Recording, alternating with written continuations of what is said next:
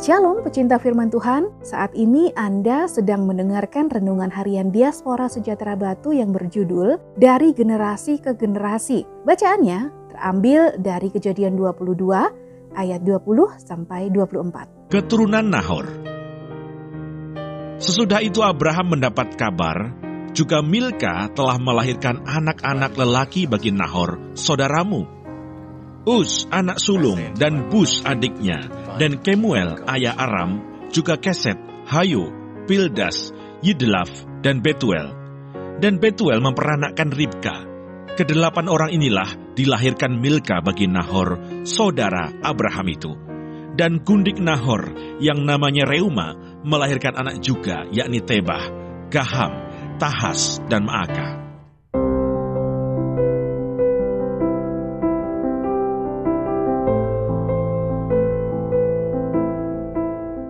Sesudah itu Abraham mendapat kabar, juga Milka telah melahirkan anak-anak lelaki bagi Nahor saudaramu. Kejadian 22 ayat 20. Dalam keluarga, tentunya setiap orang akan ikut merasa bahagia ketika saudara kandungnya merasakan kebahagiaan.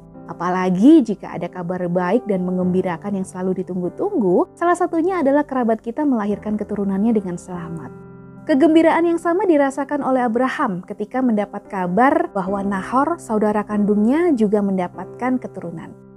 Pada zaman itu, keturunan menjadi hal yang penting, sebab keturunan merupakan bentuk berkat Tuhan.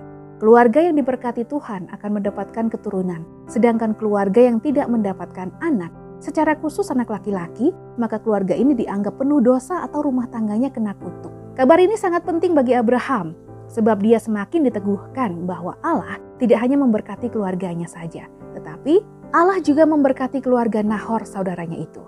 Dengan mencermati bacaan saat ini, kita bisa lihat bahwa rencana Allah untuk menepati janjinya kepada Abraham untuk menjadikan keturunan Abraham menjadi bangsa yang besar, yaitu dengan cara mempersiapkan generasi berikutnya.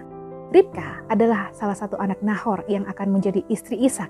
Mereka lah yang akan melahirkan dua bangsa besar, serta atas kehendak Allah, Mesias akan lahir melalui keturunan Yakub, anak bungsu Ishak dan Ribka.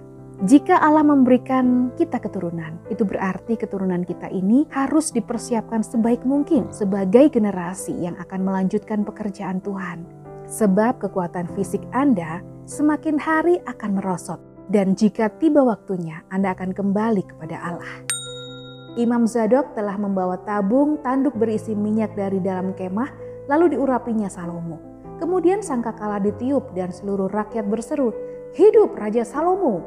Satu Raja-Raja 1 ayat 39. Tuhan Yesus memberkati.